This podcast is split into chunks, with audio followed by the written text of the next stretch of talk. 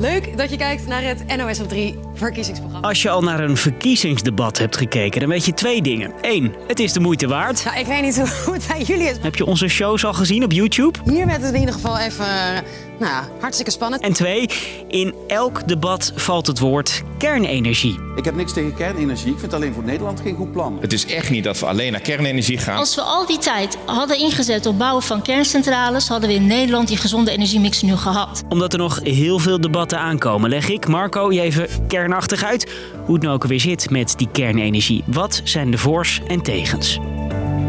Lang verhaal kort. Een podcast van NOS op 3 en 3FM. Er gaat er een sluiten, hoera, hoera, dat kun je wel zien, dat is hij. Kernenergie. Lang niet altijd ging het er zo positief over als nu. Er is flink gedemonstreerd bij bijvoorbeeld kerncentrale Dodewaard. Dodewaard En door kernrampen zoals Tsjernobyl en Fukushima leiden protesten elke keer weer op. Zoals bij kerncentrale Borselen. Leer van Japan. Stop deze ontwikkeling. Borselen 2, nee. Dank u wel.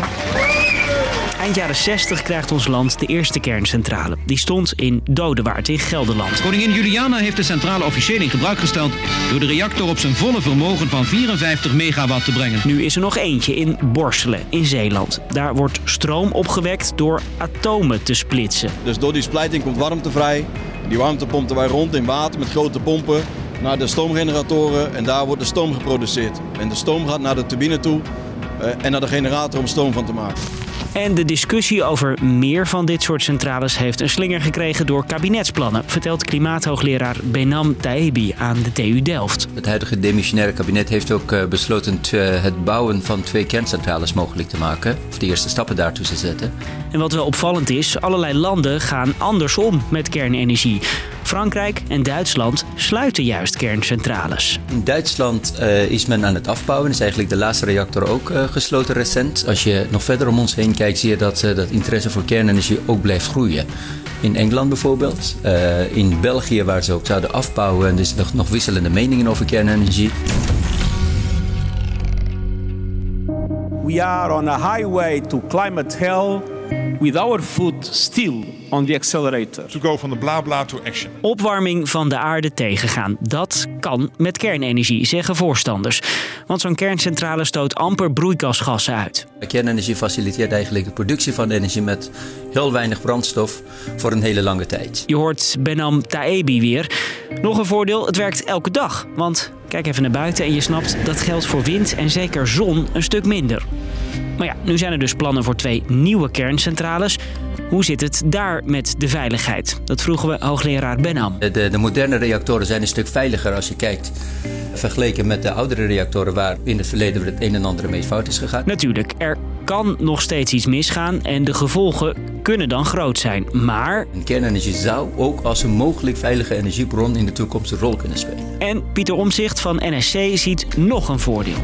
We hebben weinig ruimte. Nou, kerncentrales nemen heel veel minder ruimte in beslag dan zonneweiden, kan ik je verzekeren. En, eh,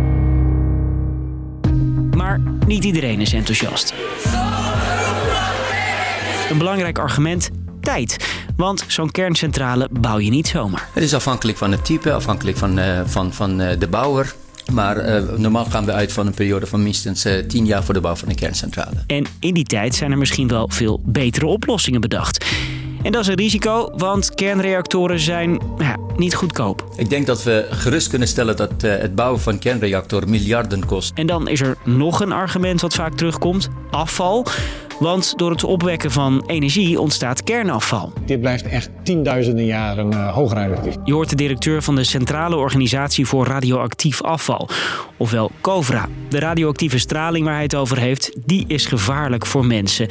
En daarom slaat het COVRA al dat afval op op één plek in Nederland. Dat is wel een hele veilige plek trouwens. Het is bestand tegen aardbevingen, overstromingen, uh, harde windstoten, vliegtuigimpact, gasexplosies. Maar toch het idee van wonen naast zo'n gevaarlijke plek, dat is niet voor iedereen fijn. Als deze centrale ontploft, dan, ja, dan, dan heb ik gewoon niks meer. En dus zeggen politieke tegenstanders, kernenergie is niet de oplossing. Laat je niet afleiden door degene die als het om klimaat gaat alleen maar over kernenergie willen praten. De problemen zijn groter dan kernenergie mensen. En die problemen moeten we echt...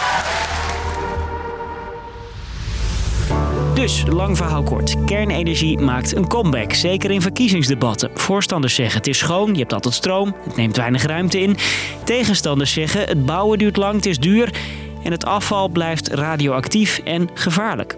En dat was de podcast weer. Heb jij nou zin in meer politieke energie? Deze hele week zijn er nog debatten tussen politici op onze YouTube-pagina. Elke avond om 7 uur live. Voor nu, dank voor het luisteren.